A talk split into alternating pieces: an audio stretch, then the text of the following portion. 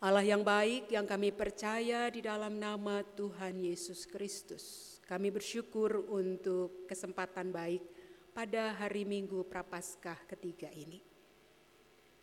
Bersama dengan keluarga dan juga sahabat-sahabat kami di GKP Jemaat Bandung, kami masih boleh punya waktu untuk membaca dan merenungkan firman Tuhan.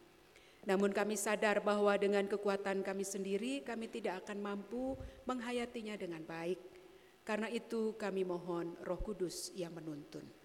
Baik pada saat firman dibacakan oleh lektor maupun ketika kami merenungkannya bersama-sama.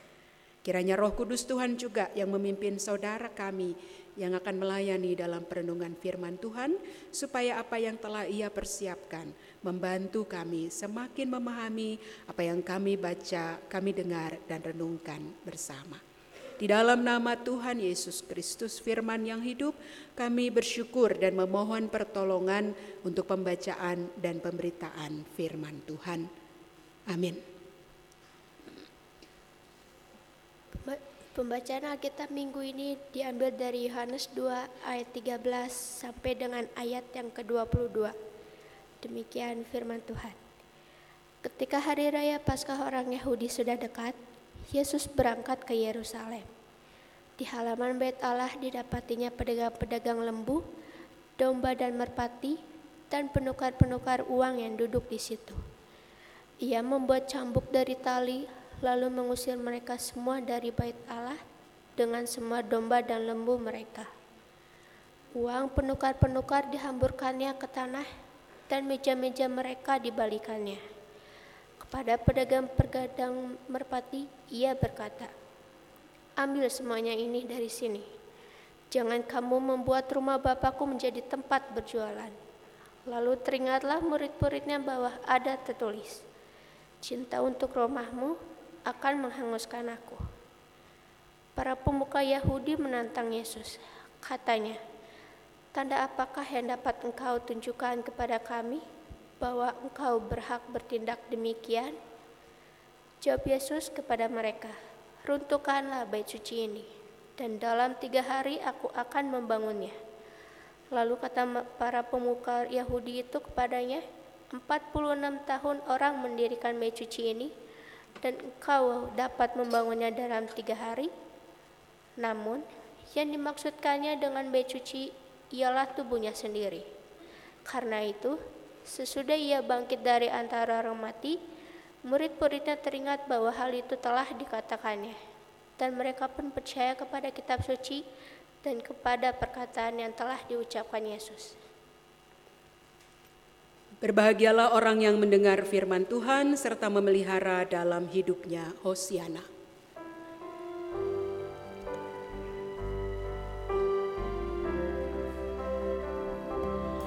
Hosiana, Hosiana,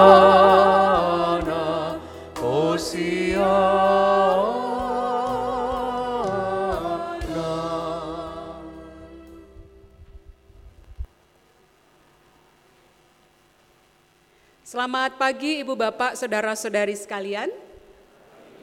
Sehat semuanya? Syukur kepada Tuhan. Ibu Bapak, apakah ada yang hobi nonton di bioskop? Boleh cung tangan? Man from Rote Island. Film tentang pekerja migran dari Pulau Rote, perempuan pekerja migran yang eh, mengalami kekerasan seksual di Malaysia kemudian pulang dengan membawa trauma. Jadi kalau ada waktu, mari nonton sama-sama ya meskipun trigger warning.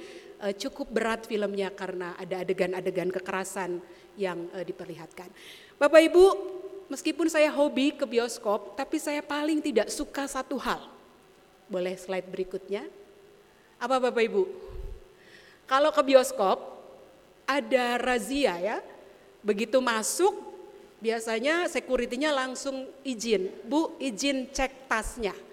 Yang dicari adalah makanan atau minuman. Iya, betul ya, Bu. Jadi kalau sudah keburu beli atau dari rumah saya selalu bawa tumbler, itu tidak boleh dibawa masuk, disita oleh security-nya dan ditaruh. Ada yang hanya pakai meja, ada juga yang pakai locker. Kenapa kira-kira Bapak Ibu sekalian? Kenapa kita tidak boleh bawa makanan kita sendiri, minuman kita sendiri ya, yang dibeli dengan uang kita ke dalam bioskop? Apakah supaya bioskopnya tetap bersih? Tidak ya. Karena kalau kita bawa sendiri, nanti jualan mereka tidak laku. Karena di eh, bioskop-bioskop biasanya ada kafe kecil yang jualan makanan ringan, belakangan malah sudah mulai juga jual makanan berat dan minuman-minuman ringan. Jadi makanan yang kita bawa dari rumah disita, dilarang dibawa masuk ke dalam bioskop bukan supaya bioskopnya tetap bersih, tapi supaya kita membeli apa yang mereka jual di situ. Dan yang bikin saya tambah kesal adalah makanan minuman yang dijual di situ biasanya harganya dua kali lipat dari yang bisa saya beli di luar. Nah, Ibu Bapak dan saudara-saudari, kira-kira begitulah keadaan di ruang terluar dari bait Allah. Dalam bacaan kita tadi ya, next slide. Ada penukar-penukar uang di situ, ada penjual-penjual hewan kurban di situ yang menjual domba, menjual lembu, menjual burung merpati. Dan mirip dengan bioskop tadi, orang-orang yang datang membawa hewannya sendiri itu dianggap kurang serak. Kenapa harus ada para penukar uang dan penjual hewan kurban di pelataran paling luar bait Allah? Dan biasanya itu terjadi pada hari raya Paskah, Ibu Bapak dan saudara-saudari. Hari raya Paskah adalah hari raya paling penting bagi orang Israel dan setiap orang Israel yang tersebar ke mana-mana bermimpi setidaknya satu kali seumur hidup boleh merayakan Paskah di Yerusalem. Karena itu pada hari raya Paskah orang datang berbondong-bondong dari mana-mana tempat. Yang tentu saja mata uangnya berbeda dengan mata uang di bait Allah yang dikenal dengan shekel Galilea. Nah, uang yang berlaku di situ hanyalah shekel Galilea itu. Kenapa orang harus oh, menukar uang? Karena Bapak Ibu, setiap orang yang bisa datang dan merayakan Paskah di Bait Allah di Yerusalem, yang sudah berumur 19 tahun, mereka harus membayar pajak tahunan. Dan pajaknya tidak boleh dibayar dengan mata uang yang mereka bawa dari tempat mereka masing-masing. Harus dibayar dengan mata uang bait Allah, yaitu shekel Galilea tadi. Makanya ada penukar-penukar uang. Orang dari mana-mana yang membawa mata uangnya sendiri harus menukar uang mereka di situ supaya mereka bisa punya uang shekel Galilea tadi. Yang ketiga, karena ada ketentuan yang sangat ketat tentang hewan kurban yang tidak bercacat dan sebagainya ya. Kita bisa baca peraturan-peraturannya di kitab eh, di perjanjian lama, terutama kitab imamat di kitab ulangan. Orang bisa saja membawa burung merpatinya sendiri, tetapi begitu datang ke bait Allah diperiksa oleh para imam dan sebagainya dan dinyatakan tidak cocok kurang sempurna, maka dia harus membeli hewan baru di pelataran bait Allah itu. Kalau kita pikir-pikir rasanya cukup masuk akal ya Bapak Ibu dan Saudara-saudari. Orang dari mana-mana memerlukan shekel Galilea, orang dari mana-mana memerlukan hewan kurban. Karena agak susah mungkin mereka membawa-bawa domba, membawa-bawa lembu ya dari tempat-tempat yang jauh yang mungkin harus jalan kaki berhari-hari. Lalu kalau begitu kenapa Yesus marah? Kenapa Yesus sampai membalikan meja para penukar uang dan menyuruh tadi ya di dalam Yohanes dikatakan para penjual merpati untuk pergi dan bawa saja semua barang jualan. Yesus marah karena terjadi ketidakadilan dan kecurangan dalam praktik penukaran uang dan penjualan hewan kurban itu, Ibu Bapak.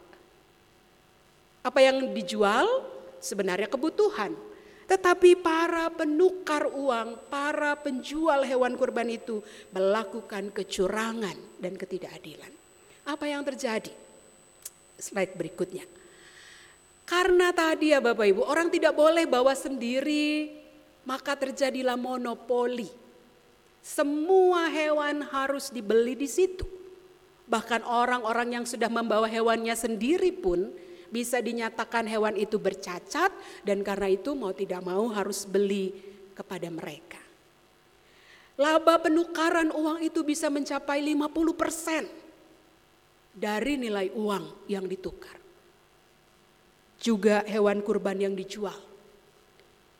Dia bisa 10 kali lipat lebih mahal daripada yang dibeli di luar bait Allah. Orang-orang diperas sedemikian rupa oleh para penukar uang dan penjual hewan ini. Padahal kita tahu orang-orang yang datang bisa saja ada orang-orang yang sangat miskin. Yang punya mimpi tadi ya, setidaknya setahun sekali bisa merayakan Paskah di bait Allah di Yerusalem. Mereka mungkin sudah menabung bertahun-tahun supaya bisa melakukan perjalanan. Tapi uang mereka habis demi memperkaya si penukar uang, si penjual-penjual hewan kurban. Yesus juga marah karena rupanya para pejabat di bait Allah dan juga imam-imam kepala mendiamkan praktek yang tidak adil itu. Salah satu penafsir mengatakan kemungkinan besar para imam kepala, pejabat bait Allah juga keluarga imam kepala dan pejabat bait Allah mendapatkan keuntungan dari perdagangan yang curang itu Bapak Ibu. Kenapa? Karena yang boleh menyatakan hewan kurban cacat atau tidak cacat adalah para imam. Dan kalau mereka berkonspirasi ya dengan para pedagang, mereka mendapatkan komisi. Yesus marah karena hal-hal itu Bapak Ibu dan saudara-saudari. Yesus juga marah karena rumah Allah, tempat beribadah itu dinajiskan dengan praktek penukaran uang dan penjualan hewan kurban yang curang tadi. Injil Markus memberi informasi tambahan kepada kita ya. Selain Yesus marah sedemikian hebat, dia juga mengatakan rumahku ini adalah rumah doa. Nah ibu bapak dan saudara-saudari kalau kita ingat cerita sekolah minggu bait Allah itu terdiri dari ruang-ruang ya. Eh, pelataran paling luar adalah pelataran untuk orang kafir, sebutan untuk orang yang bukan Yahudi, yang tidak percaya kepada Allah. Kemudian pelataran berikutnya adalah pelataran untuk perempuan dan anak-anak orang Israel. Pelataran berikutnya adalah pelataran untuk para orang-orang laki-laki Israel. Kemudian untuk para imam, para pejabat dan sebagainya. Lalu ada ruang maha kudus yang paling dalam. Nah penukaran uang terjadi di pelataran untuk orang kafir itu. Bayangkan betapa hiruk pikuknya di situ Bayangkan betapa ributnya ya, baik dengan suara orang-orang maupun dengan suara hewan-hewan yang dijual tadi. Ada suara kambing, suara domba, suara lembu, suara burung merpati. Dan kalau begitu bagaimana orang-orang yang bukan Yahudi mau berdoa atau bisa berdoa di situ? Tentu saja mereka akan menjadi sangat terganggu. Hal-hal itulah yang membuat Yesus marah dan kalau kita bayangkan pasti kacau sekali pada waktu itu. Dia balikan semua meja-meja penukar uang. Saya berimajinasi kambing, domba, burung merpati mungkin berterbangan ke mana-mana. Kambing dan domba berlarian ke sana kemari, dikejar oleh para pemiliknya dan para penukar uang mungkin sedang terduduk ya merangkak ke sana kemari mengambil uang mereka yang terhambur-hambur. Ibu bapak dan saudara-saudari ketika melakukan itu Yesus sedang menegaskan kepada orang banyak bahwa ia tidak suka pada ketidakadilan. Ia tidak suka pada kecurangan. Ia mau mengembalikan fungsi bait Allah sebagai tempat beribadah. Bukan hanya untuk orang Yahudi tetapi juga untuk semua orang. Ia sedang mau mengatakan kepada orang-orang yang ada pada waktu itu, semua itu adalah sarana untuk datang beribadah kepada Allah hewan-hewan kurban itu bukan yang utama. Shekel bait Allah juga bukan yang utama. Datang beribadah kepada Tuhanlah yang utama. Hari ini bersama-sama kita merayakan Hari Anak Gereja Kristen Pasundan dan juga Minggu Prapaskah yang ketiga. Lalu apa pesan firman Tuhan hari ini untuk ibu bapak dan saya sebagai bagian dari keluarga Gereja Kristen Pasundan. Ada tiga poin Bapak Ibu dan saudara-saudari yang eh, mau saya ajak kita refleksikan bersama dengan mengajukan pertanyaan-pertanyaan. Tadi Yesus menunjukkan bahwa ia tidak suka pada yang curang, ia tidak suka pada yang serakah, ia tidak suka pada ketidakadilan. Pertanyaannya bagi kita dan keluarga kita adalah, apakah keluarga saya telah menjadi keluarga yang adil? Apakah di dalam keluarga saya tidak ada kecurangan, tidak ada keserakahan? Mungkin ada pertanyaan dari Bapak Ibu ya, Bu Pendeta bagaimana sih contoh keluarga yang adil itu? Untuk saya, Bapak Ibu dan saudara-saudari, di dalam keluarga yang adil berarti anak-anak berapapun umurnya dihargai dan didengarkan. Mulai dari yang kecil sampai dengan yang besar. Saya belajar waktu anak-anak saya kecil ya. Contoh paling sederhana Bapak Ibu yang masih punya anak kecil atau punya cucu yang kecil ya. Kalau saat Natalan itu kan suka dikasih baju-baju yang baju princess. Kalau perempuan ya, anak laki-laki dikasih jasmini. Padahal mereka tidak nyaman. Mereka suka protes. Yang gatal lah, yang panas lah ya, dan sebagainya dan seterusnya. Tapi orang tua sering memaksakan. Itu udah dibeli mahal. Apalagi kalau pendeta Bapak Ibu ya. Masa kamu nanti nggak cantik? Nanti dikira mamanya nggak bisa beliin baju dan sebagainya dan seterusnya. Dan saya berlatih untuk mulai mendengarkan anak-anak dari hal yang kecil, meskipun saya pernah kena batunya juga Bapak Ibu. Satu kali anak-anak anak saya yang besar mungkin usia tujuh tahunan, selama mungkin hampir enam minggu berturut-turut dia memakai baju yang sama ke sekolah minggu. Minggu pertama masih oke okay ya. Minggu kedua dia pakai baju yang sama, saya masih oke. Okay. Minggu ketiga saya mulai tanya, kak kenapa pakai baju itu lagi? Lalu dia bilang, kan mami yang bilang aku boleh ke gereja pakai baju yang bersih, yang nyaman, yang membuat aku bebas bergerak. Aku suka baju yang ini. Minggu keempat masih pakai baju itu Bapak Ibu. Minggu kelima masih. Wah saya mulai tidak enak hati ya. Apalagi sudah ada anggota jemaat yang nanya, Bu si kakak udah gak ada baju yang muat. Wah langsung, waduh udah mulai. Minggu ke-6 masih juga Bapak Ibu. Saya sudah pasrah ya. Saya harus menghargai pilihan dia. Yang penting baju itu bersih, nyaman, dan cukup sopan untuk datang ke sekolah minggu. Syukurnya minggu ketujuh dia ganti Bapak Ibu. Karena apa? Karena dibilang sama temennya, bestinya. Nama anak saya Karis. Temennya bilang begini, Karis kamu gak punya baju lagi? Setiap minggu pakai baju itu terus. Baru dia ganti Bapak Ibu. Saya yang ngomong enam minggu tidak didengarkan. Itu contoh yang kecil ya. Yang lain-lain banyak contohnya. Bahkan yang sangat ekstrim. Misalnya soal pilihan sekolah, pilihan pekerjaan, pilihan pasangan hidup, dan sebagainya. Keluarga yang adil berarti bukan hanya orang tua yang wajib didengarkan, yang wajib dipatuhi, tetapi anak-anak pun diberi ruang untuk menyatakan pendapatnya. Tentu saja orang tua masih punya wewenang ya untuk menentukan apakah ini baik atau tidak untuk anak-anak. Di dalam keluarga yang adil berarti semua orang berbagi tugas sesuai dengan kemampuannya. Tidak ada satu orang yang lelah sampai kehabisan tenaga sedangkan yang lain duduk dan menjadi tuan. Di dalam keluarga yang adil tidak ada yang melakukan kekerasan dalam bentuk apa pun. Mulai dari kekerasan fisik, kata-kata yang menyakitkan, yang merendahkan. Kekerasan verbal maksud saya. Kemudian kekerasan fisik, pukulan, tamparan, dan lain-lain sebagainya. Termasuk juga kekerasan seksual. Di dalam keluarga yang adil, semua orang dapat merasa aman.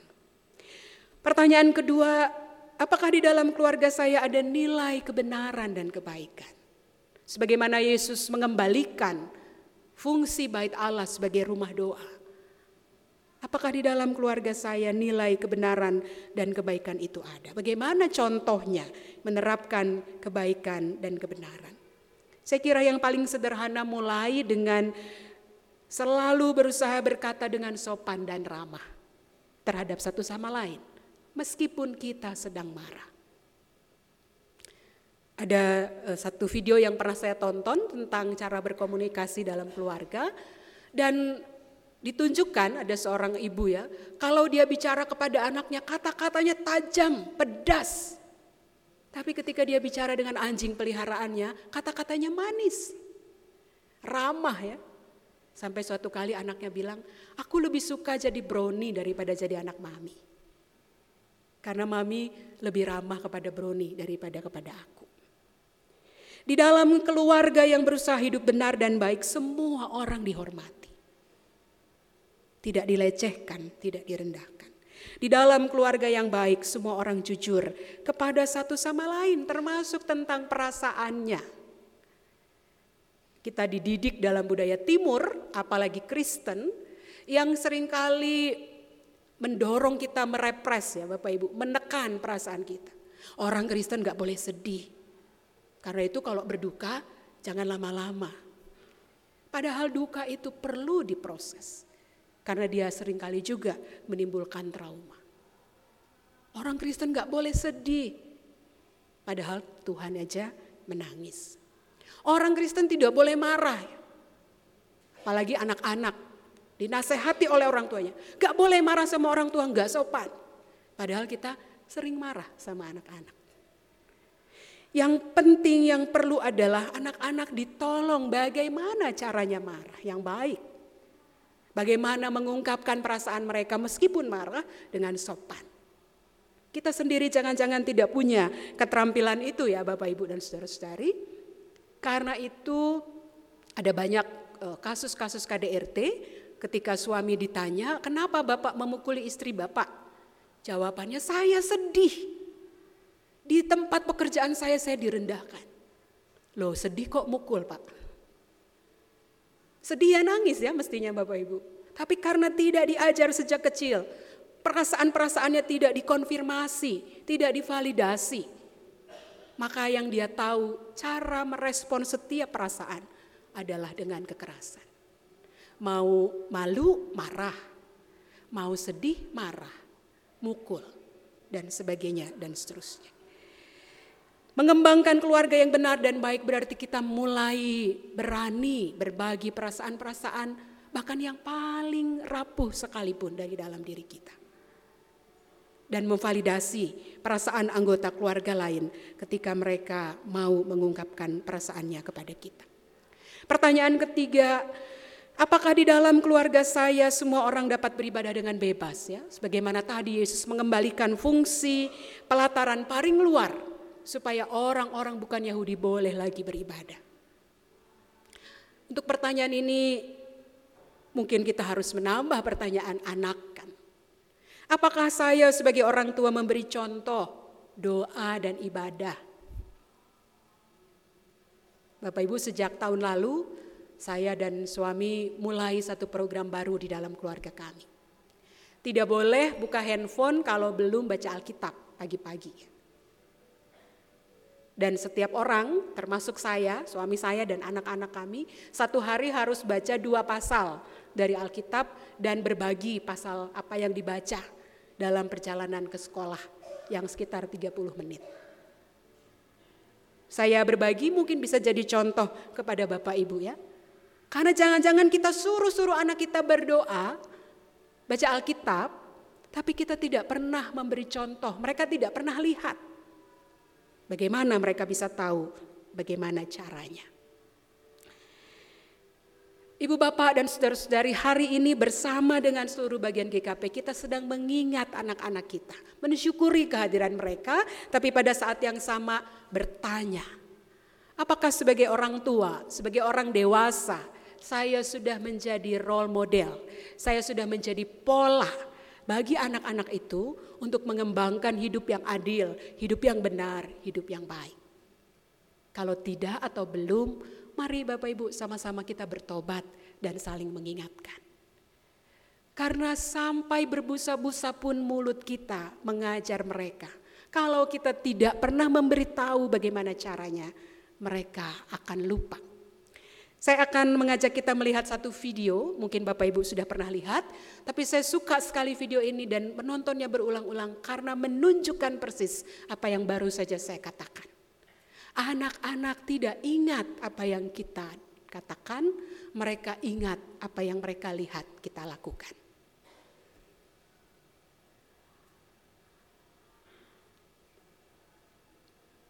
Again today, dark clouds gather and fill the sky.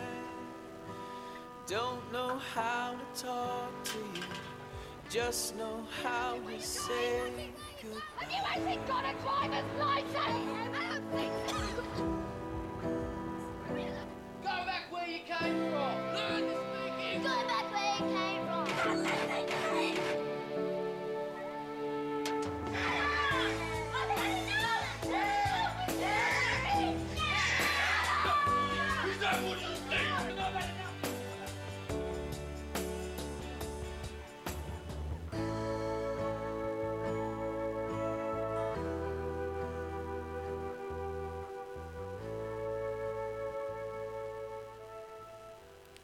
Bapak Ibu dan saudara-saudari, pada minggu Prapaskah yang ketiga ini, mari berlatih mengajari anak-anak kita tentang nilai keadilan, kebenaran dan kebaikan dengan memberi contoh yang baik setiap hari.